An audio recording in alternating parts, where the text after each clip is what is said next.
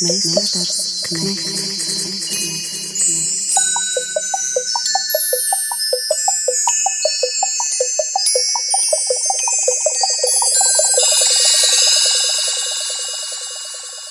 Meistars Knechts. Sveicināti, raidījums Meistars Knekts. Studijā pie mikrofona Orests Silabriedis, un man ir trīs viesi. Vai jūs piekritīsiet, ka saukšu jūs par trim mūzikas apskatniekiem? Vismaz šīs sarunas kontekstā Uldis Rudaks, Ilmārs Lāpins, Normons Vucāns. Labdien, kungi! Labdien, jā. Labdien, tā varētu būt. Jā. Mēs šodien vēlamies runāt par, par mūzikas klasificēšanu. Un varbūt, ka saruna varētu likties tāda sausi teorētiska, bet man liekas, mēs aiziesim līdz diezgan daudziem prakses aspektiem, kas šo apgalvojumu varētu arī apgāst. Un es vēlētos sākt ar jautājumu.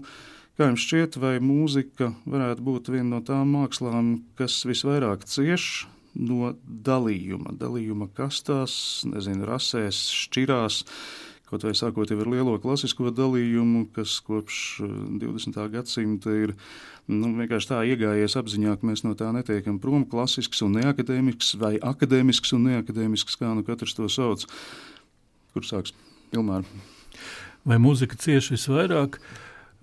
Manā pieredzē nu, par to mūziku, ar kuru es uzaugu, un kad es sāku kaut kā domāt par mūziku, tā bija pirmkārt populārā roka mūzika. Un, nu, tas nodalījums populārajā un akadēmiskajā mūzikā varbūt bija pirmais, kas nāk prātā. Bet tas, ko es pamanīju, un kas man šķiet interesanti, ir, ka tieši dalījums žanros, novirzienos, virzienos. Uh, kustībās pašiem mūziķiem ir bijis ļoti svarīgs 20. gadsimta otrajā pusē. Droši vien tas bija tāds periods, kad tas kļuva vissvarīgāk. Lai gan uh, es pieņemu, ka arī jau agrāk visas tās mūziķu, klasiskās mūzikas komponistu kopas, grupējumi, tur, uh, čupošanās kaut kādās kustībās arī bija ļoti svarīgas. Lietas. Bija, jā, bet tie bija varbūt grupējumi, kurus bija drusku vieglāk nosaukt vārdā, un līdz ar modernitātes iestāšanos tur viss sāk jukt tieši tāpat kā populārajā mūzikā. Bet tieši paši mūziķi bija tie, kas uzņēmās. Nu, tā pašidentifikācija bija ļoti svarīga. Nošķirties no citiem. Pateikt, ka tu tagad esi heavy metal, nevis hard rock. Un, un, nejauciet, sajauks, un, nejauciet. Ne? un trash metal ir pavisam kas cits nekā doom metal. Un, Bet lūdzu, uzreiz, ir kāds, kurš tiešām spēj to nošķirt? to heavy metal no hard rock. Nē, nu labi, to vēl var būt. Nē, man, man ir liels noslēpums, kur tā robeža īsti iet. Atrast grupas, kuras pie, noteikti ir pieder vienai, un grupas, kas pieder citai kategorijai, ir ļoti viegli. Bet pateikt, kas tieši viņas atšķir un nodefinēt to vārdā, ir pagrūti. Tāpat, nu, kad parādījās pašizdomātie mūzikas virzienu nosaukumi 80. gados, kad viena teica, nē, mēs esam jaunie romantiķi, un citi viņam teica, nē, jūs esat tas pats jaunais vilnis, vai vēlāk par viņiem teica, nē, tie vienkārši postpanki, un visi viņi ir vienā katlā metami.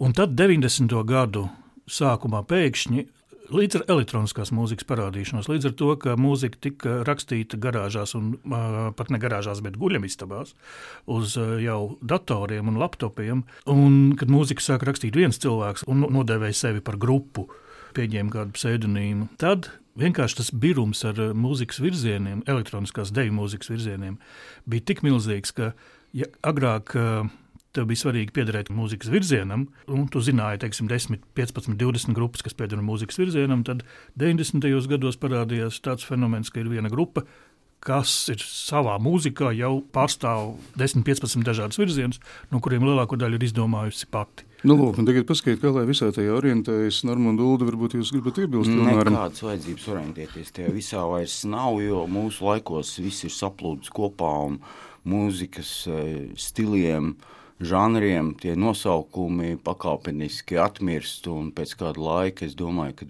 būs visi, ka būs visi jau par tādiem aizmirsuši, jo līdz ko potenciāliem klausītājiem gribas uzzināt, kas tas ir. Viņam nav vajadzības tur izlasīt eh, blakus, kāds tur ir tas stils vai žanrs. Viņš uzklikšķina, paklausās desmit sekundes un saprot, vai viņam to vajag vai viņam to nevajag. Man šī stila un žanra dalīšana ir riebusies kopš laika gala, un uh, 90.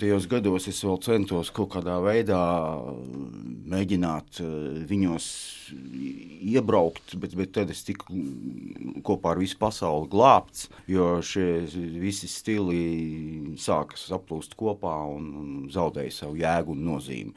Tas, ka pusi no mūsdienu mūzikas dēvē par indiju un par alternatīvo mūziku, tie vispār ir tik, tik ļoti izstiepti un, un, un neko nenozīmējoši žanru nosaukumi.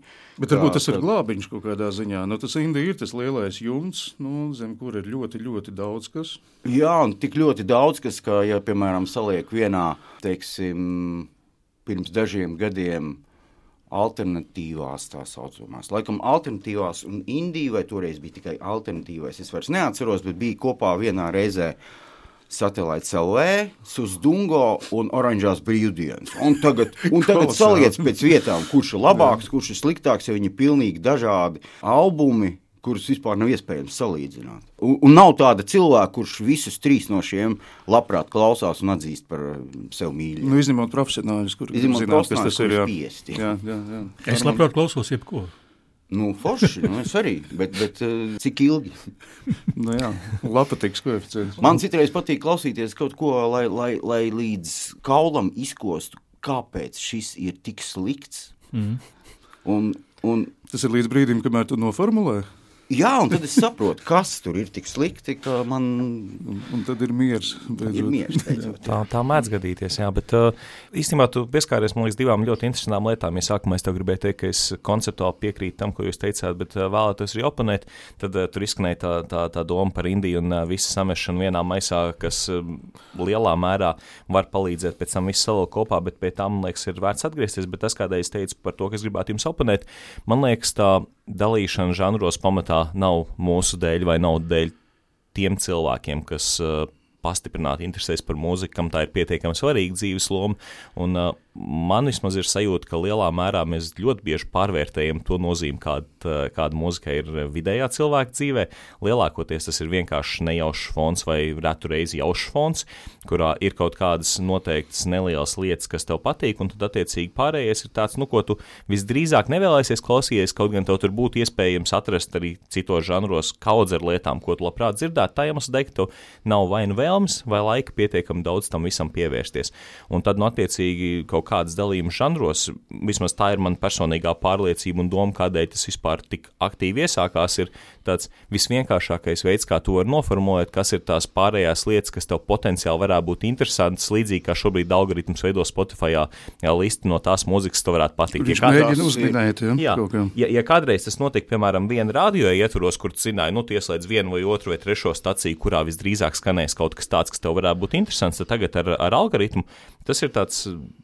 Būtībā ļoti divējāds process. No vienas puses, tev ir iespēja atklāt jaunus māksliniekus, uzzināt lietas, īpaši nepievēršot tam uzmanības un, un klausīties to visu, bet tajā pašā laikā ar to, cik ļoti tas viss noslēdzas, tu tāpat tiec ievilkts iekšā savā burbulī, un tu visu laiku to viņš met vienu un to pašu un to Bet tas- pašu. Bet tas algoritms viņš, viņš eh, ir tik kaitinošs, ka pamēģini paklausīties Radiohead, un te uzreiz piedāvās arī Oasis un Coldplay, kurus, kurām tev vajadzētu obligāti patikt, jo, jo tev patīk šis te. Ja runājam par Spotify algoritmu, tur biežāk eh, iedarbojas kaut kāds laikmetu vai, vai periodu eh, saistība, nevis tīri žanriska vai skaniskā saistība, kas man šķiet ir nepareizi. Nu, viņiem vajadzētu par to padomāt, vai vajadzētu būt iespējai izvēlēties klausītājiem, kādu algoritmu viņš grib. Bet Lūdzu minēja ļoti raksturīgu piemēru - Radiohead un Coldplay. Nu, lūdzu, pasakiet, tagad, kas ir tas, kas nošķir Radiohead klausītāju no Coldplay klausītāja? Jo es, es noteikti nemācīšu noformulēt. Es, es Attieksme- jūtu, kas tas ir. attieksme pret dzīvi.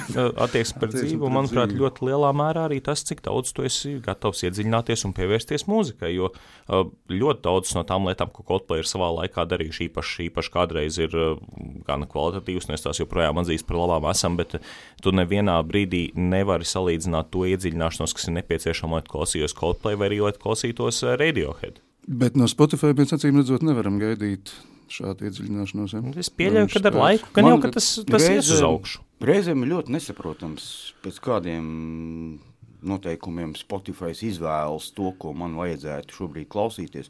Es Viens kā- no pirmajiem šādiem servisiem bija Pandora, man šķiet. Un tai Pandorai tas uh, mm, algoritms, pēc kāda tika izvēlēta nākamā dziesma, gan strādāja ļoti interesanti. Tur, tur bija tā, ka pirmās 5, 10 bija tiešām tādas, kas tev noteikti patīk, un tad sāka ieslēgties kaut kādi. Nu, viņi tad sāka eksperimentēt, vai tev patiks vai nē, jo tur varēja spiest arī man nepatīk podziņu. Mm. Un tu varēji izsvītrot mūziku, kas tev nepatīk. Interesanti, ka YouTube tu uzliec kādu latviešu mūzikas klipu, paskatīties, aizēj gulēt. Un pēc pusstundas vai stundas tu pamosties, ka tev pilnā rīklē dzied eh, labākajā gadījumā prāta vētra, sliktākajā gadījumā tur, es nezinu, lauku muzikanti vai, vai Vai ne, lauku muzikantiem, man liekas, grūti ir tikt muzika, tas ir kaut kas tāds vairāk iespējams, bet, nu, Nu, kā, mu, mūzika jau ir tik, tikts pāri. Mūzika jau ir vi, vidus, vidus ceļš star, uz, uz šlāgiem. Bet, eh, bet jā, man liekas, tā lieta, kas ir, eh, nu, runājot par algoritmiem kopumā, tur jau skaidrs, ka katra no platformām eh, viņas pielāgo un ar laiku tās lietas kļūs precīzākas, bet tas, pie kā tas visdrīzāk novedīs, būs tas, ka tur būs nevis lielāka muzikāla atklājuma un dažādība, bet eh, daudz precīzāk tas eh, liks tev klausīties to, ko tu vēlēsies klausīties, vai ļoti, ļoti līdzīgas lietas tam. Tur gan biznesa modelis ir nedaudz citādāks nekā, nekā sociālajos tīklos, tur visādos TikTokos un YouTube un tā tālāk, kur mērķis ir tev noturēt pēc iespējas vairāk, bet eh, tādā lielā bildē arī Spotify, Apple Music, eh, YouTube Music, nezinu, Deezer, visiem pārējām platformām viņa mērķis ir noturēt, lai tu klausies pēc iespējas ilgāk, jo, ja tu klausīsies pēc iespējas ilgāk, tu maksās līdz ar ko tām lietām nav pamatojuma tev mēģināt eh, pavērt jaunas apgāžņas, tad, ja tu pats viņus nemēģini atklāt, jo tādā veidā viņi no tā visa zaudē. Līdz ar to tad, tad tas, man liekas, ir tā, atgriežoties pie sākotnējā jautājuma, man liekas, ka drīzāk šī būs tā nākamā gradācija, kuras dēļ es neticu, ka izzudīs eh, tāda stilistika vai vismaz kaut kāda veida apzīmējuma lietām, jo tajā brīdī, īpaši tad, kad tu esi jauns un tev ir, nezinu, tur maz 11 gadi, un tu ļoti vēlēsies atšķirties no pārējiem, jo tu atradi šo jauno krūto grupu Radiohead, par ko neviens cits nav dzirdējis tavā klasē, tev tāpat vienmēr vajadzēs eh, iespēja, kā tu to vari nodefinēt, lai tu varētu eh, pastāstīt, ka esmu tieši šitāds, nevis citādāks. Nu, Izvēlas no kabatas telefona, uzklikšķina un dod visiem klausīties. Un Viss nav jau vairs jāsarunājas savā starpā vispār. Es nezinu, man liekas, ka es to vairāk teiktu, ka liekas, mēs pārvērtējam mūzikas nozīmi un cilvēku vēlmi iedziļināties.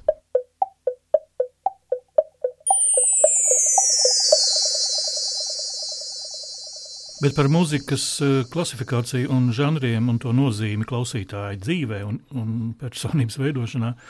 Kādreiz bija, man liekas, ļoti izplatīts jā, tas modelis, eh, ka tā ir piederība noteiktai grupai, eh, dumpinieciskai grupai visbiežāk, jo populārā roka mūzika bija dumpinieciska. Uh, nu, arī akadēmiskajā mūzikā ir dumpinieciski virzieni noteikti atrodami, un tādi piekritēji klausītāji, kas klausās tikai kaut ko neatzītu, un, un jaunu, un neklausām, un tā tālāk. Bet, um, ja agrāk varēja droši teikt, nu, uz jautājumu, ko tu klausies, vai kādu mūziku tev patīk, un saņemt atbildi. Um, Kādu mūzikas virzienu, piemēram, uh, ja es klausos tur dream popu, vai es klausos tikai uh, dūmu metālu, tad um, man liekas, šobrīd, un es pie sevis to vēroju, var jau būt, ka nu, es, es kaut kā esmu izplēties savā muzikālajās interesēs, bet es drīzāk teiktu, lūk, hip-hopā es klausos to, roka mūzikā es klausos šo, no populārās mūzikas man patīk tas un tas. Es katrā tajā žanrā, lielajā žanrā, es mēģinu atrast kaut ko sev interesantu, un es uh, atrodu. Un es domāju, ka arī daudzi mūsu dienās uh, drīzāk domā tā, tāpat. Ne? Tam, tam es ļoti. Bet, Ilmār, tu piekritīs, ka tu neesi ikdienišķais klausītājs. Jebkurā Es, Nu, es, tu klausos, es klausos katru dienu, es esmu ikdienišķais Ah, klausītājs. nu šai ziņā varbūt, jā. Bet, bet, bet jā, man liekas, ka tas ir. Es, es ļoti lielā mērā tev piekrītu, un man ir līdzīgi, bet eh, tas, kas radās arī man personīgi, kā jautājums, ko es neesmu varējis noformulēt, arī ar citiem draugiem un melomāniem, kas vairāk klausās nekā vidējais cilvēks mūziku, vai tas ir eh, fakts, ka mūzika visdažādākajos žanros eh, kļūst eh, nezinu, labāka, mums pieejamāka, saprotamāka, vai vienalga, kā mēs to nosauksim. Vai arī mēs paši vienkārši Vienādāk. paliekam vecāki, un līdz ar to pirmkārt mēs meklējam lietas, kuras iepriekš mēs neklausījāmies, un otrkārt mums ā, tā pieredzes bagāža palīdz novērtēt daudz plašākas lietas nekā kādreiz. viss saplūst kopā, tāpat kā tolerants mūsdienās ir vērojama visādās citās jomās. Tas pats ir mūzikā, un mēs klausāmies mēs, es nezinu, kas ir mēs, bet uh, cilvēki klausās arvien dažādāku mūziku, un uh, nav vairs tā, ka kā 90. gados, ja tu esi ādas jakā atnācis hip hopa dienā uz tad, tad, uh, gariem matiem un ādas jakā atnācis uz, uz hip hopa dienu medmiksē, tad, tad, tad zini, ka tu atrausies pilnīgi noteikti. Bet tagad mēs klausāmies arī krievu hip hopu un repu. Un pēc tam parādījās Prodigy, kas kuru koncertos jau bija gan mataini ādas jakās, gan skūtie, un visi pēkšņi bija draugi. Es domāju, ka Prodigy ir viens no tiem, kas apvienoja šos iepriekš naidīgos cilvēkus. Paldies, Prodigy. Ja es domāju, tas lūzums vai tā revolūcija, ko viņi izdarīja, pie tam ar pilnīgi kaut kādiem nejaušiem paņēmieniem. Tas, tas notika daudzu sakritību un sagadīšanos rezultātā, bet tas, ko Prodigy izdarīja, bija, nu, vērtējot atpakaļgaitā skatoties, bija likumsakarīgi, vajadzīgi un tālajoši. Jā, un, un pēc tam, protams, visi, visi gluži nē, bet tur daudzi, kuri līdz šim bija izmantojuši savā mūzikai tikai ģitāras, pēkšņi sāk izmantot elektroniskas skaņas. Tie, kur izmanto ele tikai elektroniskas skaņas, sāk izmantot arī dzīvos instrumentus. Tā tas ir gājis uz priekšu visus šos vairāk nekā 20 gadus kur jau ir pagājuši kopš Prodigy parādīšanās. Sakiet, vai jūsu vērojumos ietilpst arī saucamais klasiskās mūzikas klausītājs? Nu, viņi tagad biežāk sāk saukt par akadēmisko mūziku, un kādreiz šis termins likās ļoti pretdabisks. Bet, ja mēs paskatāmies, ka ir neakadēmiskā mūzika, jā, tad jau droši vien sanāk, kāpēc, lai nebūtu arī akadēmiskā. Var sakot, kā šajā panorāmā iekļaujas tas, kurš iet uz simfoniskās mūzikas koncertu. Tas droši vien ir pirmkārt tomēr tradicionālāks klausītājs ar iesīkstējušākiem paradumiem. Nu, pat ne tādā nozīmē, ka viņš ir vecs un, un visu mūžu darījis vienu un to pašu. Arī jauni cilvēki vai studenti, kas apmeklē klasiskās mūzikas koncertus, ierobežo tomēr savu interesi par mūziku noteiktā virzienā. Bet Runājot par to klasifikāciju un mūzikas dalījumu, strīds par to, kā saukt kategoriju uh, zelta mikrofona konkursā, akadēmiskās vai klasiskās, un kora vai kora mūzikas. Kas pats par sevi jau ir sarunas tēma, bet pie tā mēs atgriezīsimies. Uh, tas bija ļoti interesants uh, strīds, un mēs nonācām toreiz pie tāda kompromisa rezultāta, ka tā saucās klasiskās un kora mūzikas kategorija. Akadēmisko atmetot kā nebūtisku, bet tur parādās ļoti būtisks metodoloģisks jautājums, ko var ievērot. Tā pati mūzikas klasifikācija vai dalīšana noteiktos grupās, vai tāda taksonomija, teiksim, mūzikas taksonomija, var nākt no dažādām pusēm. Viena puse ir dalīta, piemēram, mūziku pēc tās izpildīšanas paņēmieniem. Piemēram, simfoniskā mūzika tiek izpildīta ar simfoniskā orķestra instrumentiem kameras mūzika tiek izpildīta ar daļu simfoniskā orķestra atsevišķiem instrumentiem. Daļiņu no simfoniskā orķestra. Tad ir instrumentālā mūzika, kas tiek izpildīta tikai ar instrumentiem, tad ir kora mūzika, kas tiek izpildīta tikai ar balsi. Un, uh, pēc šī principa tad uh, roka mūziku vajadzētu klasificēt ģitāru mūzikā, elektroniskajā mūzikā, kādā vēl, nu, instrumentālā roka mūzikā un, un dziesmās, piemēram, vai vokālistu un akapela mūzikā. Tas ir pēc izpildījuma. Cits klasifikācijas veids ir pēc mūzikas kaut kādas tradīcijas. Un tad var tur saukt, ja tā ir akadēmiskā mūzika, ja to izpilda akadēmiski izglītoti mūziķi vai to sacer akadēmiski izglītoti komponisti. Jā, un tad mēs iebraucam bedrē, jo cik nav akadēmiski izglītotu komponistu un mūziķu, kas dara pavisam neakadēmiskas lietas.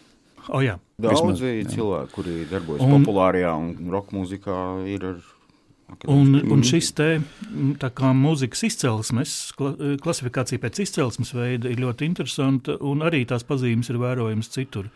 Piemēram, un šis piemērs, ko es ievēroju, kas man likās ļoti zīmīgs vienā brīdī, pirms gadiem jau 10, 15, es tam sāku pievērst uzmanību, ka ir, ir noteikti mūzikas uh, fakti, ieraksti, teiksim tā, albumi, kurus noklausoties, piemēram, nejaušā, pēc nejaušas izvēles, desmit minūtes vai, vai vēl mazāku gabaliņu, nu, nezinātājs, kas nezina grupas nosaukumu, albumu nosaukumu iznākšanas gadu, e, itin mierīgi viņu var nodēvēt gan par vienu, gan par otru, gan par trešo mūzikas žanru.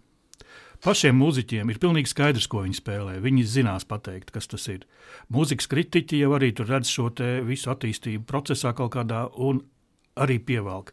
Bet principā tā mūzika skan vienādi. Un, un tas ir tāds, um, mm, es līdz pateikšu kaut kādus konkrētus piemērus. Tikpat labi tā var būt ģitāra, roka, drona mūzika. Tā var būt ambientā mūzika, kas nākusi no citas pilnīgi puses. Tā var būt laikmetīgā klasiskā mūzika, tā var būt postroka mūzika. Bet tu ieslēdz, un tur skan tāds mm, garš, garš monotons, dūcošs skaņdarbs. Tas, eh, vai to nosaukt par laikmetīgo mūziku, akadēmisko mūziku, vai to nosaukt par postroku, vai to nosaukt par ambientu, vai drone, vai noise roku, tas ir atkarīgs tikai no vērtētāja un no konteksta. Tas ir no tā, vai šie mūziķi, kas to izpildi, ir nākuši no garāžas, vai viņi ir nākuši no konservatorijas, vai viņi ir nākuši no savas elektroniskās laboratorijas. Bet tas, ko tu tagad pateici, mums uzreiz liek domāt par Edgars Rubeni. Un, un... Jā, jā, jā, tieši tā. Vai, piemēram, kā sauc to strīdīgo pasaules mūzikas grupu šogad, un arī pirms pāris gadiem viņiem bija. No kuras valsts? No Latvijas, no Latvijas. Latvijas. Zari. Zari jā. Vai grupas Zari, piemēram, kurai pēdējā albumā ir skandarbs 18 minūtes garš, Un pirmās desmit minūtes tur ir gandrīz tāds uh, ambients, drons, dūkoņa un, un, un, uh, un lēna tādas skaņas. Un tikai pēc tam sākas kaut kāds ritms un tautas mūzikas elementi. Un jautājums, nu, tu paklausies pirmās desmit minūtes, kāda tautas mūzika, kāda, kāda etnogrāfiskā, tur, kādi tur folkloras elementi, nekā tur tāda nav. Pēc tam viņi parādās. Uh, paši mūziķi sevi uzskata par pasaules mūzikas grupu. Nu, tajā nozīmē, ka tas ir tāds mūzikas žanrs, kas apvieno tautas mūzikas elementus no dažādām, dažādu tautu mūzikām, mūsdienu mūzikas elementus. Nu, bet pasaki, tagad tu pats tam piekrīti vai ne? Ka tā ir pasaules jā. mūzika, jā. Tad, tajā nozīmē, ka tiek vērtēta pasaules mūzikas ieraksti. Jā. Es pats piedalos Eiropas pasaules mūzikas uh, radio dīdžeja tajā žūrijā, kas vērtē ik mēnesi mūzikas ierakstus. Tur, um, nu, tur var redzēt, ka, cik plaša tā amplitūda ir, cik plaši dažādi mūziķi iedomājas vai uztver sevi kā piedarošu šim žanram, vai uzskata, ka viņus var vērtēt šajā kategorijā. Uh, Tas nozīmē, ka viņus iespējams var vērtēt arī citā kategorijā. Piemēram, tā ir uh, nu, pavisam nesens piemērs itāļu dziedātāji, kas izpilda itāļu jaunā viļņa kino mūziku, tur Nino Rotas un, un tam līdzīgi. Bet viņi dzied to itāļu tautas mūzikas. Man ir rīkla skaņā. Skolā, skolā, teiksim tā. Un To var vērtēt gan kā tautas mūzikas izpildītāju, gan viņa kā pasaules mūzikas izpildītāju. To var vērtēt kā kino mūziku, kino mūzikas interpretāciju. Bet šis man liekas diezgan labs piemērs tam, ka klausītājiem ir īstenībā pilnīgi vienalga. Tā laikam ir tomēr profesionāla lieta šobrīd. Mm. Ne, es nezinu, vai klausītājiem ir pilnīgi vienalga. Man šķiet, ka mēs, kā mūzikas apskatnieki, jau, kas mēdz rakstīt vai runāt par mūziku, droši vien arī saprotam, ka viena no mūsu funkcijām ir iespējamam klausītājam vai esošam klausītājam paskaidrot, kas ir tas, ko viņš klausās, vai kas ir tas, ko viņš varētu izdzirdēt. Nu, Normans bija diezgan skeptisks. Un, lai to, paskaidrotu, lai to paskaidrotu, mēs lietojam dažādus apzīmējumus. Katrā ziņā es domāju, ja tā īsā recenzija mūzikas saulē, tūkstošu zīmju garumā, ja viņai šos tūkst, šīs tūkstošu zīmes ir eh, no viņām kaut 2% ir izmantoti žanru apzīmējumiem, tad tā ir vietas izšķērdēšana. es pat neteiktu, ka esmu pret to pilnīgi skeptisks vairāk par to, ka manuprāt, cilvēkam, es, es drīzāk piekrītu tam, ka viņam interesē dzirdēt to, ko viņš klausās, un iespējams iedot kaut kādu kontekstu, vai es vairāk esmu skeptisks par to, ka cilvēkam ir uh, vēlme iziet ārpus savas komforta zonas, iepazīt un tā tālāk. Bet, teiksim, ja viņam patīk uh, pasaules mūzika, tad uh, šajā gadījumā, piemēram, šis Itālijas piemērs varētu būt brīnišķīgs variants. Cits starpā, nezinu, varbūt paskaties albumu māciņu vai nosaukumu, un sākumā tev liekas, ka tur būs kaut kas pilnīgi cits, un tu pat nevīžā uzslēgt tās desmit sekundes kūlus iepriekš pieminēji. Es iedomājos, uz vāciņu rakstīts Nino Rota, diez vai kāds nojautīs, ka meitene dzied kā Sicīlijas gane. Piemēram, jā. Nu. Ir īpaši Rino Rotu bija rakstījis instrumentālu to mūziku. nu, vēl jau vairāk. Bet es iedomājos, kā tas ir, kad cilvēks, kurš tiek uzskatīts par klasiskās mūzikas komponistu, viņš kādu satiek un viņam jautā, ko tu nodarbojies. Es rakstu klasisko mūziku. Tad tu rakstot mūziku, jau zini, ka tā būs klasiskā mūzika. Un ko nozīmē klasisks? Klasisks taču ir tā, kaut kas tāds, kas dzīvo cauri gadsimtiem. Tātad tu jau zini, ka tava uzrakstītā mūzika ej cauri gadsimtiem. nemirstībā, Kas tas jā. par absurdu? Es domāju, tāda attieksme ir jāraksta mūzika jebkuram. Protams, bet, Uldi, tu eh, tagad bet tēmē uz- tik ļoti, būt tik ļoti pašpārliecinātam. Nē, bet ir cilvēki, kas izpilda tradicionālo mūziku. Nu, tas ir līdzīgi. Un ir cilvēki, kuri Klasiskā uz- mūzika, kas eh, tiek izpildīta klasiskā manierē, vai, Nu, vai ir arī- sacerēta klasiskā Ir arī manierē. droši vien tādi, kuri ķeroties pie mūzikas veidošanas, uzreiz saka, mēs rakstām populāro mūziku. Viņi jau zina, ka tā būs Es populāra. mēģinu iztēloties kaut vienu klasiskās mūzikas komponistu, kurš būtu teicis, es rakstu klasisko mūziku. Jā, grūti iedomāties. Nav. Uh, Latvijā nav. Es domāju, angliski runājošie lieto classical composer to kā Classical composer, Kā un profesija. contemporary classical. Jā, To saka no malas, bet vai pats par sevi? Tas ir vairāk atkarīgs no konteksta savukārt, kādā tu, tu to runā. Tad, ja tu runā ar cilvēku, kurš saprot, par ko ir runa, tad tev šādas pašsaprotamas lietas nav jāpiemina. Tad, ja tu satiec, es nezinu, Jānu no piemājas garāžas, visdrīzāk tu viņam pastāsti, ar ko tu nodarbojies, un tad nākamais jautājums būtu, ko tu spēlē vai ko tu raksti šajā gadījumā. Un tad eh, tādā gadījumā, iedodot šo kontekstu, viņam uzreiz skaidrs, ka tas nebūs tevs pieminētais šlāgers, piemēram, Nu, iepriekšējais. viņam būs skaidrs, ka ar tevi runāt nav jēgas. Tieši tā. Arī tas, bet Uldi, tas, ko tu pirmie teici par to klasisko, es tomēr vēlos, lai tu precizē, vai tas ir par jēdzieniem klasisks un akadēmisks, vai tas ir tā vienkārši bija abstrakcija par klasisko Ne. vispār. Tas, tas par to, ka jēdziens klasiskā mūzika, es, es, man nav nekas pret šo jēdzienu. Bet tas uzreiz liek domāt, ka mēs to uzreiz jau padarām par klasiku. Jo es zinu, ka daži, es neatceros, vai tie bija žurnāli vai portāli, savu to vērtējumu zvaigznītēs vai, vai bumbulīšos, vai kā to sauc, bija katram tam daudzumam bija pielikuši piecas zvaigznītes nozīmē klasika.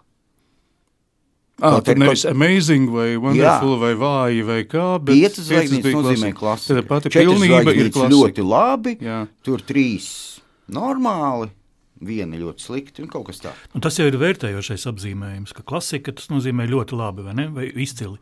Nu, tas ir Tāpat tā, kā arī populāra mūzika, arī var būt vērtējošs apzīmējums. Uh, Nu, mēs novērtējam, vai šī mūzika ir populāra, vai viņa ir nepopulāra, viņa ir tad Indija. Jā, vai tur popmūzika un undergrounds vai mainstreams un Nu, Tad undergrounds. iedomājieties, cik daudzi to saka arī no, ar nicinošu nozīmi. Nu, tā ir populārā mūzika. Jā, nu, protams, mēs ar to jā, protams, vispār jā, neesam. Un man šķiet, ka tajā mūzikas uh, žanru klasifikācijā, kādā to lietoja manā jaunībā, un es, es, es domāju, es ceru, ka tas tomēr vēl turpinās kaut kādā veidā, jo tas ir svarīgs arī kaut kāds pieaugšanas vai sevis saprašanas paņēmiens. Ka daudz svarīgāk par to, kāda mūzika tev patīk, bija saprast, kas tev nepatīk. un, un ienīst, ienīst kaut kādu mūziku un teikt, nē, šis ir pilnīgi garām, šito nekad mūžā. Nu, bet tas ir vecumā līdz 20. Ne? Es, es, es ceru, ka cilvēki to saglabās arī. Ir Sagla, Mēdz saglabāt arī. Ilmār, ir nīsti? cilvēki, kuriem tas ir līdz, līdz mūža galam. Es nīstu banālu mūziku. Un tas, tas viens piemērs, kas man pirmais nāk prātā, bet nu, ne, tas ir nego- negodīgi būtu to nosaukt vārdā. Es ienīstu grupas Dire Straits albumu Brothers in Arms, kas ir klasisks albums. Nu, viņš noteikti ir kaut kādos topos, svarīgākajos roka mūzikas albumos iekļauts vismaz desmit gadus ietvaros. Es Šorīt- viņu joprojām nespēju. diskusija, vai viņš rakstīts digitāli vai Jā, jā, jā. analogi. Es joprojām nespēju viņu noklausīties no sākuma. Viņš tev spēja izraisīt tieši tik spēcīgas jūtas.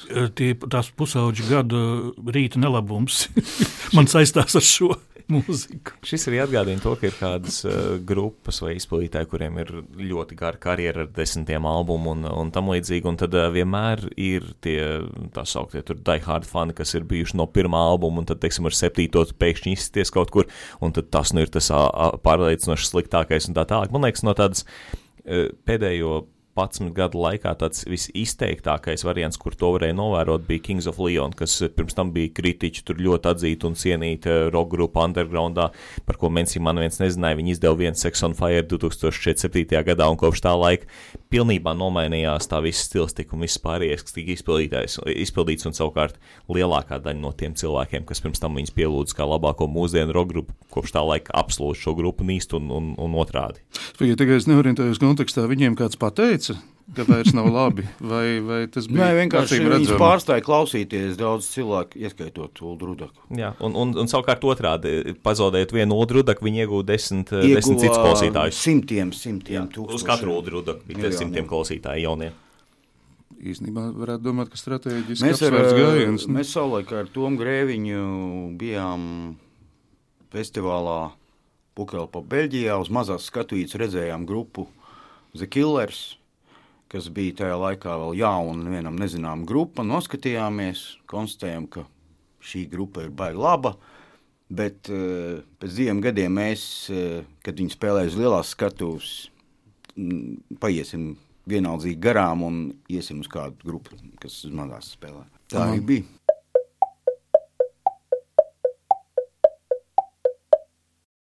Radījums Mēsters Knehts, Uldis Rudaks, Ilmārs Šlāpins, Normons Vucāns un Orests Silabriedis. Skāpjamies mazliet soli atpakaļ. Ilmāra, vai tu biji klāt tajā brīdī, kad tā korma mūzika tika izstumta no klasiskās mūzikas nosaukuma? Ir klasiskā un korma mūzika. jā. Es vienmēr licies stipri mulsinoši, ka korma mūzika nebūtu tajā Ulda Rudaka iecienītajā klasiskās mūzikas kategorijā ieskaitāma. Tas ir dīvains formulējums, es piekrītu, jo viņš sevi ietver caur un. Viņš ietver patiesībā divas dažādas veida pieejas mūzikas klasifikācijā. Viens ir tātad pēc mūzikas izcelsmes vai tradīcijas, nu, klasiskā mūzika ir tā, kas tradicionāli izpildīta vai sacerēta noteiktā veidā. Savukārt, kur mūzika ir tīri pēc izpildījuma, pēc eh, nu, teikt, instrumentu izvēles. Un, um, tā ir viena tāda problēma, kas ir bijusi vienmēr encyklopēdiju vai dažādu klasifikāciju sastādītājiem, un kam pievērš uzmanību arī Jorge Luis Borges vienā slavenā savā esejā par ķīniešu encyklopēdistu, kuru nu neatceros, kā sauca. Bet um, viņš pievērš uzmanību tam, ka atšķirās rietumu civilizācijas pieeja klasifikācijai, kas ir tāda taksonomiska, ir atrodama zināma kārtība, princips, vai tas ir alfabētisks, vai tas ir chronoloģisks, vai tas ir pēc, uh, nu, piemēram, tur, uh, pārnaģi, nepārnaģi eh, dalījums. Ja? Līdzīgs ir indiešu tradicionālā nu, filozofijas pieeja klasifikācijai, un pilnīgi atšķirīgi ir ķīnieši. Ķīnieši var salikt vienā kategorijā pilnīgi nesaistītas lietas. Un, nu, tur, piemēram, vienā plauktiņā ir ne, nezinu, zirgs, eh, zīda, palaks un uh, lauta. Kāpēc viņi tur atradušies? Nu, kaut kāda noteikti, visdrīzāk arī chronoloģiski iemesli dēļ, jo ķīnieši skatās uz pasaules vēsturi, uz savu vēsturi, lineārā chronoloģijā, un tad vienā tā vienas dinastijas laikā, kas ir noticis, piemēram, mūzika, kāda mūzika ir izpildīta tās dinastijas laikā, viņa tad tiek aplūkota šīs dinastijas no, no šī gada līdz šī gadam ietvarā. Atšķirībā, piemēram, no indiešiem, kas skatās kaut kādā, es biju nopircis Indijā, būdams vienu mūzikas uh, vēstures grāmatu, kas aplūkoja visu, visas pasaules mūziku. Tā grāmata bija sarakstīta 19. gadsimta beigās, pārizdota 20. gadsimta sākumā, bet tur varēja redzēt to principu. Tur bija nu, tīri pa teritorijām. Šajā te vietā klausās tādu mūziku, tādus instrumentus tur spēlē. Šajā teritorijā tādu. Tur bija ļoti interesanti par Latviju pieminēts, ka Latvijā spēlē to pašu mūziku, ko Krievijā, tikai pārtulkot vācu valodā. bet, um, bet uh, nu, tur tika saskatīti visādi dažādi principi, kā to aplūkot, kā vērtēt, uh, kas ko nozīmē. Bet, izmantojot, vēl, kamēr es esmu pie mikrofona, es Tā pateikšu, neviens nedzīs no viņa prom. es pateikšu vēl vienu jā, interesantu pieeju, un tā ir mūzikas dalīšana, mūzikas klasificēšana pēc funkcijām. Ļoti funkcionāli un liekas tāda piezemēta pieeja. Tas ir fons, lifts, dziedināšana un tā Apmēram, tālāk. jā, bet ir tāds autors Daniels Levitins, kurš 2008. gadā šķiet uzrakstīja grāmatu sešas mūzikas uh, kategorijas vai sešu veidu mūzika. Un viņš uzskatīja, ka visu, jebkuru mūziku var sadalīt sešās, sešos veidos. Sākot no simfoniskās, beidzot ar trešmetālu un etnogrāfisko mūziku. Jebkura mūzika dalās sešos veidos. Tā ir prieka mūzika, joy, draudzības mūzika, friendship, mierinājuma mūzika, comfort mūzika, zināšanu mūzika, knowledge, ceremonija mūzika un eh, pēdējais, sastais ir mīlestības mūzika. Te, jā, arī, protams, tur ir kaut kāda nekonsekvence. Zinām, kaut ko no šīm kategorijām mēs varam vērtēt noskaņojuma ziņā. Šī ir priecīga mūzika, šī ir bēdīga mūzika. Lai gan bēdīgo viņš iekļāva tajā mierinājuma mūzikā, bet ir kaut kāda arī tā funkcija, teiksim, zināšanu nodošana, noteiktu ceremoniju vai rituālu veikšana, skumju cilvēku mierināšana, draudzēšanās un tā tālāk. Nu, tajā brīdī, kad viņš mēģina kaut kādus piemērus minēt, tas tomēr aiziet agri vai vēlu līdz teksta analīzei. Lūk, šis teksts tur stāsta par, par skumjām, tur everybody hearts. Ja, Pagaidiet, kā viņš teikt ar instrumentālo mūziku galā? Un kā viņš jā, to instrumentālo, tad attiecīgi kaut kāda cita pieeja jāmeklē. Ja, tad, nu, pēc tā kā izklausās, vai kam tā ir paredzēta. Nu, ja tie ir kaut kādi putēji marši, ā, tā droši vien ir ceremonija mūzika, vai ne? Lai gan tikpat labi tā varētu būt prieka vai, vai Nu, kādam tā ir prieka mūzika, jā, kādam izmisuma. Un par mīlestības mūziku, jā, nu, tur bija laikam kā piemēra minēta kaut kāda Beatles dziesma, Sunday Love Her. Tiklīdz tur ir pieminēta mīlestība, tad uzreiz. Bet jautājums man, tādās, nu, man radās jautājums, kur paliek naida mūzika, kur paliek niknuma mūzika, kur paliek man viss ir apnicis mūzika, kurā Arī, kategorijā to likt. Turklāt eh, man liekas, ka tur uh, tik ļoti iesaistās personīgais viedoklis, kas vienam būs uh, tie paši pieminētie mūzika, tas citam būs prieka mūzika, un Udim Rudakam tā būs skumja mūzika. Šeit bija viens no tiem pieminētajiem variantiem, kas laikam atbilst vistuvāk. Es nespēju atcerēties, kurš no lieliem, slavenajiem, varenajiem, manuprāt, jau viņa saulē aizgājušiem to teica, bet uh, viņš piedāvāja vēl daudz vienkāršāku mūzikas sadalījumu. Laba mūzika un slikta mūzika. Nu, to piedēvē daudziem, un droši vien, droši vien ne bez pamata, jo tas jau ienāk loģiski domāšana cilvēkam prātā pats par sevi.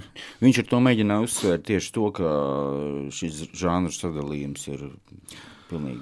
Un to varētu izmantot lieliski balvu pasniegšanā.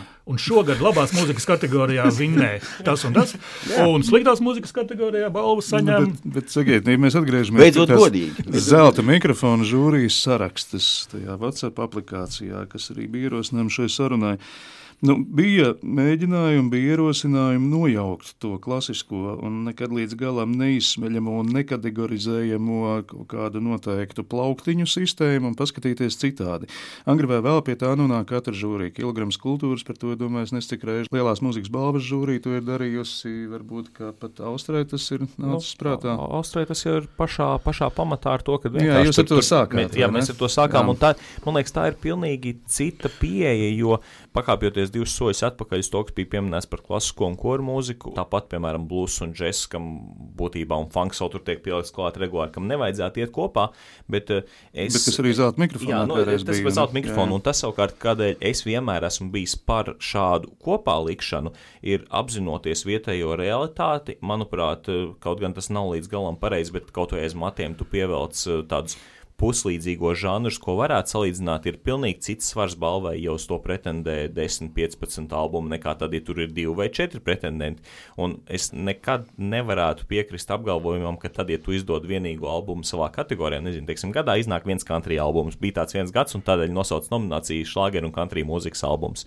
Un, uh, ja iznāk viens country albums, tas, nu, man liekas, kaut kā ciniski un nepareizi, ka tas automātiski kļūst par labāko. Jo, lai tu būtu labākais, tev šis status ir jānopelna. Tāpat tās arī, ja tev iznāk, piemēram, trīs albumi, būtu ciniski un nepareizi, tad, ja šie visi trīs albumi noteikti būtu nominēti. Tādēļ es, es, es allaž esmu bijis par žanru apvienošanu.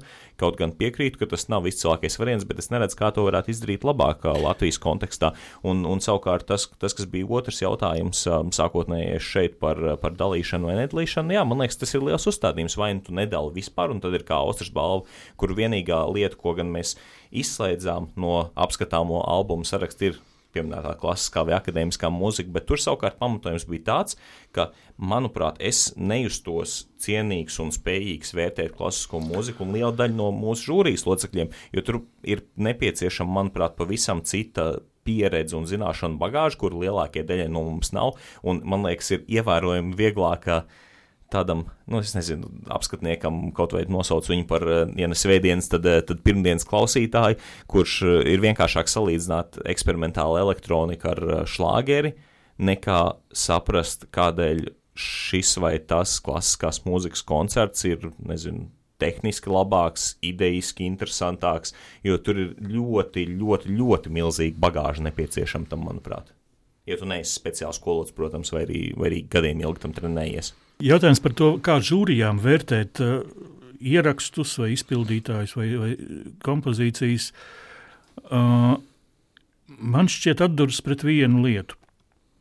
Un eh, sarunā par zelta mikrofonu tām kategorijām un to sadalīšanu pavīdēja viedoklis, ka pirmkārt vajadzētu uzticēties pašiem eh, izpildītājiem vai autoriem, kādā žanrā viņi uzskata, ka viņi ir ierakstījuši. Vērtējumā. Tur tad, lai arī piedalās. Un, un tad pavīdēja tāds uh, arguments, ka tas arī liktu pašiem mūziķiem atbildīgāk izturēties pret savu darbu. Nu, tā kā apzināties, ko viņi ir ierakstījuši un tā To, tālāk. to tieši es teicu. Mēs pēc tam varam Ah. padiskutēt par šo. Un par to es, es iebildu. Jā, es nepamanīju, kas to bija teicis, bet es iebildu, ka tas nav mūziķu pienākums zināt un precīzi ieturēt žanru robežas. Neviena mūziķa pienākums nav izpildīt uh, indiju popu un nevis šlāgeri savā Un, albumā. un tad No- nāca no tavs Ilmāra teikums, kas manī momentā iedzina kvēlē par to, ka tikai viduvējības var būt kategorizējamas. Ja? Nu, es tagad neprecīzi Jā, citēju. kad, kad Pirmā reakcija- vienmēr ir pārsnieguši reakcija savas man bija brēkt uz tevi, un tad, un tad es sāku domāt, ka es vēlos, lai tu to paskaidro, vai tiešām ir tā, ka nu nevar iebīdīt. Vēl tā atšķirība ir tāda, mēs nevērtējam sportistu sasniegumu. Sporta disciplīnā ir ļoti konkrēti noteikts. Nu, tomēr izmērāmi lielumu, teiksim. Tur ir Ja? noteikts robežas, jā, jā. un Jā. tur var izmērīt, kurš no A punkta A līdz punktam B noskrien pie- ar noteiktām tur kedām kājās un pie noteiktiem apstākļiem, kurš noskrien par tik un tik sekundes simtaļām ātrāk vai lēnāk. Mūzikā to nav iespējams izdarīt, un, uh, lai kādas mēs nospraustu žanru robežas, to nav vajadzīgs darīt, jo mēs nevērtējam to, cik spējīgi, cik profesionāli vai cik meistarīgi mūziķis šo žanru izpilda. Mums ir svarīgi, lai albums, lai ieraksts, lai mūzika, lai skaņdarbs būtu nozīmīgs un, un, uh, un labs. Un tad sekoja sarakstīja nākamais teikums, nu tad nojaucam visu un metam vienā maisā. Nu, nekonstruktīva piebilde, jā, bet, nu, protams, arī tāda nu, normāla reakcija uz to. Nu, vai te vispār ir risinājums? Man tā šķiet, ka ir eh, iespējams atrast risinājumu, ka tās balvas dala nevis pēc žanriem, bet kaut ko, kaut ko katru gadu varētu citu izdomāt. Ka, noklausoties, izējot cauri visiem albumiem, protams, ka tas prasītu lielākas laika un cilvēku resursus. Uh, ka, Nu, kas piemēram, noklausoties visu to gūzmu, kas tur ir, uh, saprast, kas būtu tas, kā mēs šogad to dalām. Tad mēs nonākam pie tā, kas ir labs un kas slikts. Ne tā? Nē, tie, tā mūzika, kura ir strikti kaut kādos žanros iekšā, tā lai paliek, tur var palikt kaut kādi, nezinu, pieci vai septiņi vai Tad, astoņi. teiksim, ja LNSO ieraksta Ivanovas simfonijas, nevienam nav šaubu, kas tas ir.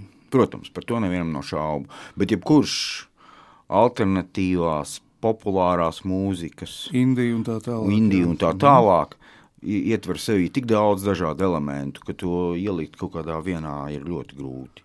Un, ja, piemēram, kāds albums ir eh, ļoti spēcīgs, viņu ieliek starp citiem albumiem, kuri ir vairāk atbilstoši šim konkrētajam žanram nekā šis albums. Ir divi varianti. Vai nu viņš vispār no piecinieku lido ārā, vai nu viņš ir pārliecinoši pirmajā vietā, ja vienkārši viņš ir labāks. Vēl viens tehnisks kritērijs vai nianses ir tāda, ka nav taču pienākums nevienam ierakstu izdevējam izdot albumu, kurš viss kopumā ietilpst vienā žanra kategorijā. Nu, kāpēc tam tā ir jābūt? nu, albumā var būt dažādi žanri mūzika, pēc idejas. Jā, un tev ir absolūti. Nu, īstenībā, jā. Mūziķis ir brīvs, viņš, viņš ņem to instrumentu, kas viņam patīk. Tajā Nu, bet tad zelta mikrofons ir pilnīgā tintē. Jā, Viņš nevar daļu albumu ņemt tajā kategorijā un daļu tajā. Diemžēl eh, droši vien tā, tā, tas- tā tas būs jādara arī turpmāk. Viena izēja ir tāda, kas sarežģīja darbu, bet varbūt tā ir tomēr izēja atļaut vismaz izņēmuma gadījumos vērtēt vienu un to pašu ierakstu vairākās kategorijās vienlaicīgi. Piemēram, viens un tas pats albums var būt labākais džēzus mūzikas kategorijā, bet, piemēram, uh, instrumentālās mūzikas kategorijā vai roka mūzikas kategorijā viņš paliek trešajā vietā.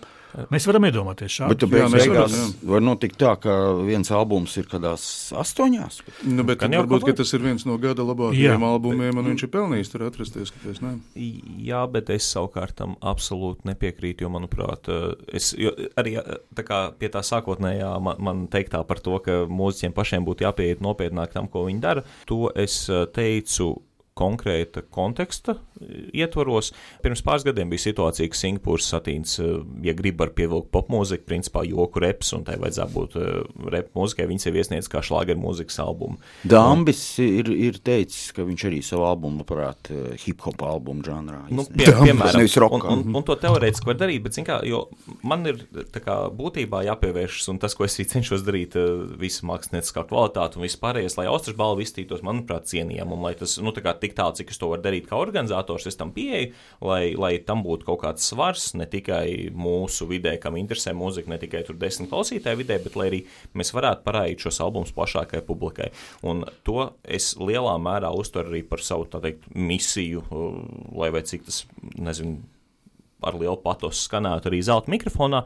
Es ticu, ka es, es zinu, ka es par sevi esmu noklausījies tos albumus, ko es vērtēju, un nav tāda situācija, kāda bija pirms 10, 15 gadiem, kad bija vairāk šūrijas locekļu, ko tu redzi, un tu ļoti pamatīgi šaubies, vai viņi ir noklausījušies kaut kādā pusi no tām lietām, kas nu, tur skan. Vērtējumu nu, līdz šai baltai dienai liek par to šaubīties. Jā, un, un, un, un tieši tāpēc, manuprāt, ir svarīgi, lai uh, vismaz žanriski tas viss būtu saukts kopā, jo es to uztveru kā pietiekami lielu reklāmu visai Latvijas mūzikas industrijai, un man personīgi ļoti gribās, lai tā lieta attīstās.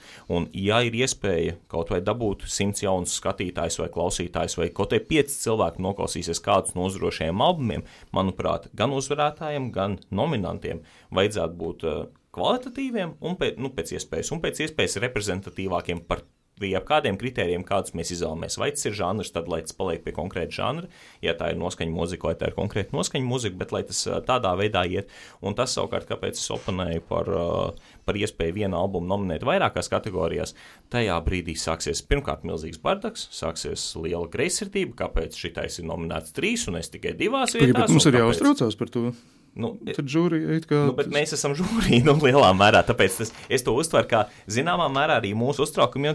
Ir izskanējuši gadu gaitā visdažādākie absurdie, absurdie piemēri. Reiz bija situācija, kurā uz gada debitantu tur nevarēja saprast, vai šis mūziķis kvalificējas debijiem vai nekvalificējas. Un beigu arguments no kāda žūrijas locekļa par to, kādēļ šād, šam, šim būtu jākvalificējas, ir tāpēc, ka tas ir pirmais albums un šis ir foršs čalis, kurš citādāk apvainotos. Jā, jā, jā. Kā tas var būt tas arguments, tā, kādā jā. veidā mēs sev pierādām, ka kaut kāds zinātājs sapratējs. Tā ir, tā ir absolūta diskreditācija tam, ko visi mēs darām, un tieši tāpēc, man liekas, ir svarīgi lai vai cik tas būtu iespējams negodīgi, mēs kaut kādas labas lietas tādā veidā noteikti noraujam vispārējo, bet neizveidojot pietiekami stingru rāmi, būs pēc tam daudz lielākas problēmas nekā tās ir šobrīd, manuprāt. Un to es savukārt saku nevis no tā, ka uh, visdrīzāk tur arī gadījos, ka kāds albums varētu būt vairāk nominēts vai izcelts nekā tas ir šobrīd, bet tajā pašā laikā man liekas, būtu problēmas ar to kopējo, to kā tas viss izskatītos. Uh, Un tas vairāk cilvēkiem, manuprāt, drīzāk likt novērsties nekā pievērsties. Vai var saprast, ka tu esi lielā mērā par līdzinējo tradicionālo kategoriju dalījumu? Man ir diezgan vienalga, teikšu godīgi. nu, man, man, man tas nerūp. To, kādos noteikumos ir jāstrādā, es no viņiem pēc savas sapratnes un zināšanām gribētu censties ieviest labāko iespējamo rezultātu pēc tam. Jo man liekas, nepareizi ir vairāki ļoti labi mūzikas profesionāļi, kas nepiedalās zelta mikrofonu, ai, tur viss stulbi, tur ir, nezinu, tur tīzla žūrija un man viss nepatīk. Nu, Nu, jā, bet kā, kā, kā tieši šīs lietas var uzlaboties tad, ja tu tur nepiedalies? Un, manuprāt, pēdējie, piemēram, pieci gadi, ja mēs runājam konkrēti par zelta mikrofonu, ir bijis brīnišķīgs uzrāvienu laiks.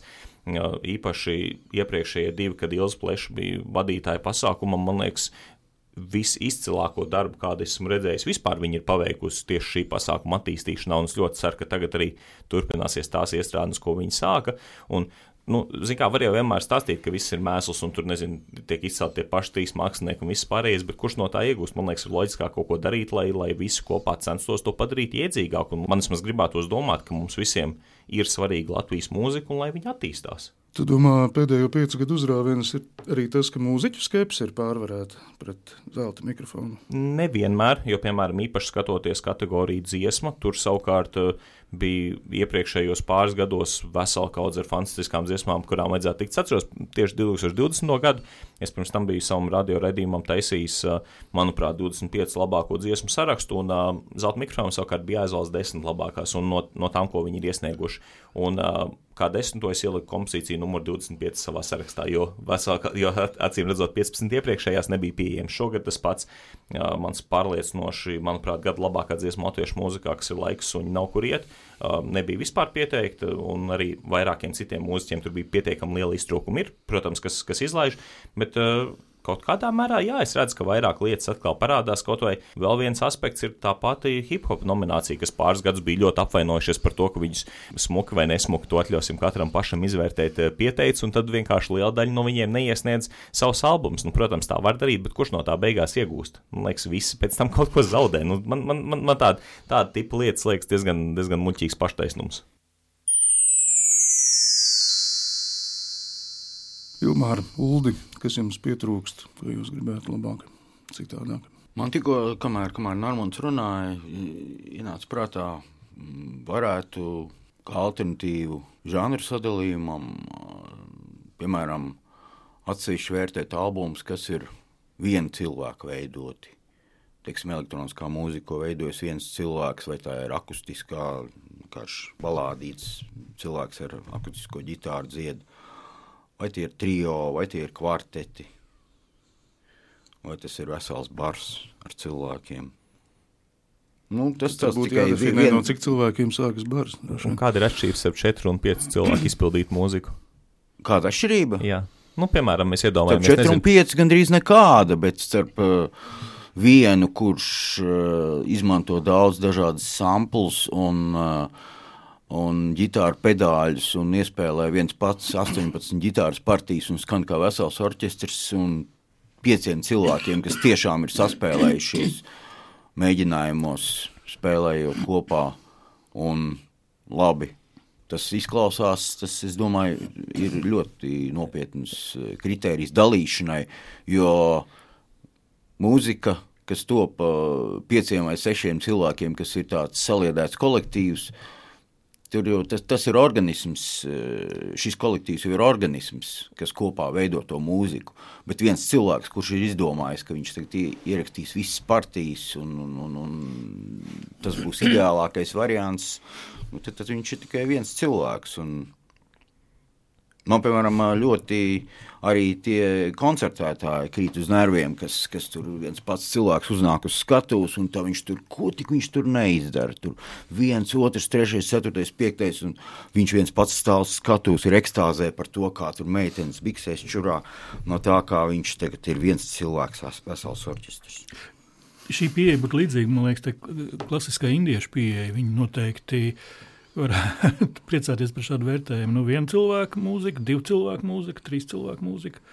Un, un, un mēs tur varam saskatīt duetu, piemēram, duetu grupas, kas ir no diviem cilvēkiem sastāvoša grupa. Mūzika ir atšķirīga no tā. Bet tādā gadījumā duets Sandra konkurētu, teiksim, ar Agnes Segliņas un Gunta Kuzmas tandēmu. Un, un kas vēl ir svarīgs jautājums, vai, vai tur arī konkurē, teiksim, tie divi cilvēki obligāti viņiem ir jābūt autoriem, vai var būt arī pieaicinātie autori attiecīgajai mūzikai, un divi ir, nu, galvenie autori un izpildītāji. Es domāju, ka tur jābūt ir atšķirība, vai tie ir autori, vai tie ir tikai izpildītāji.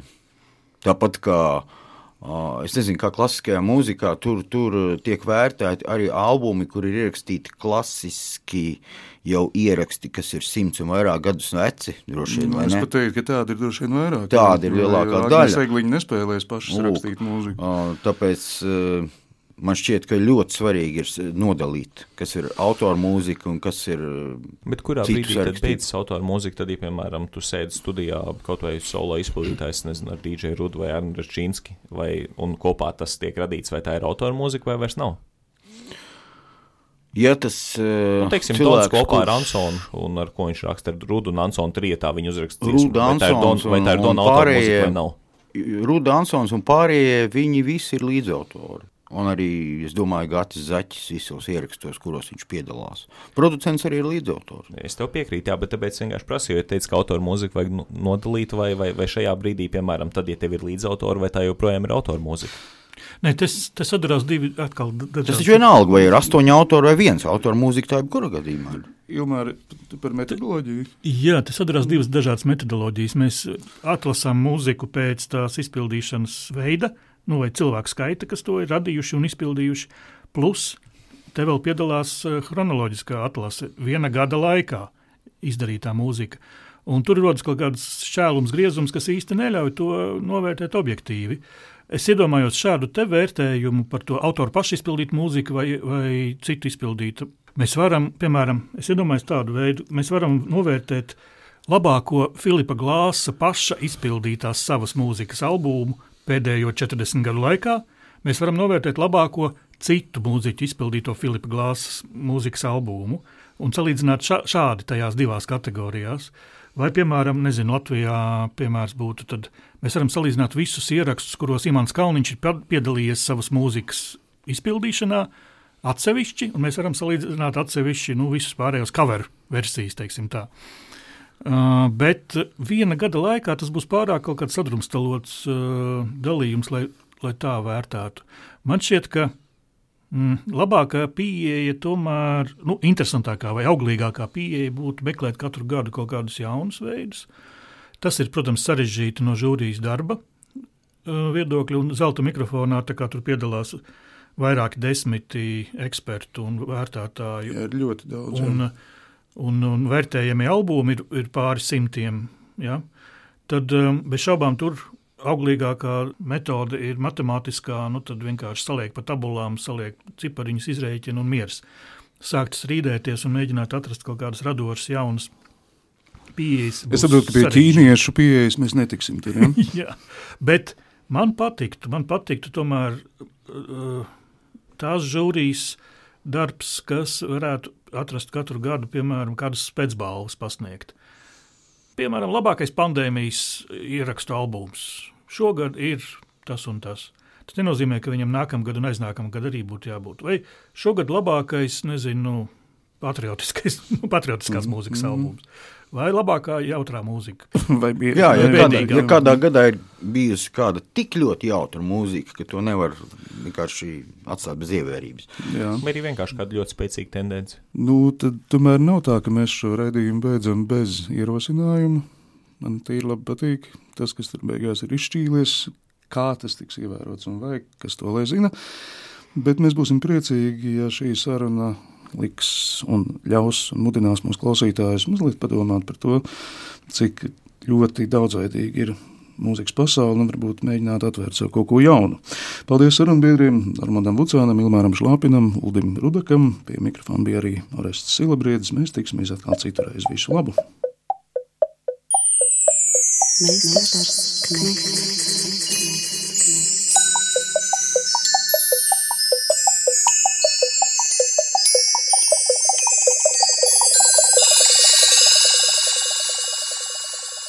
Meistars Knechts.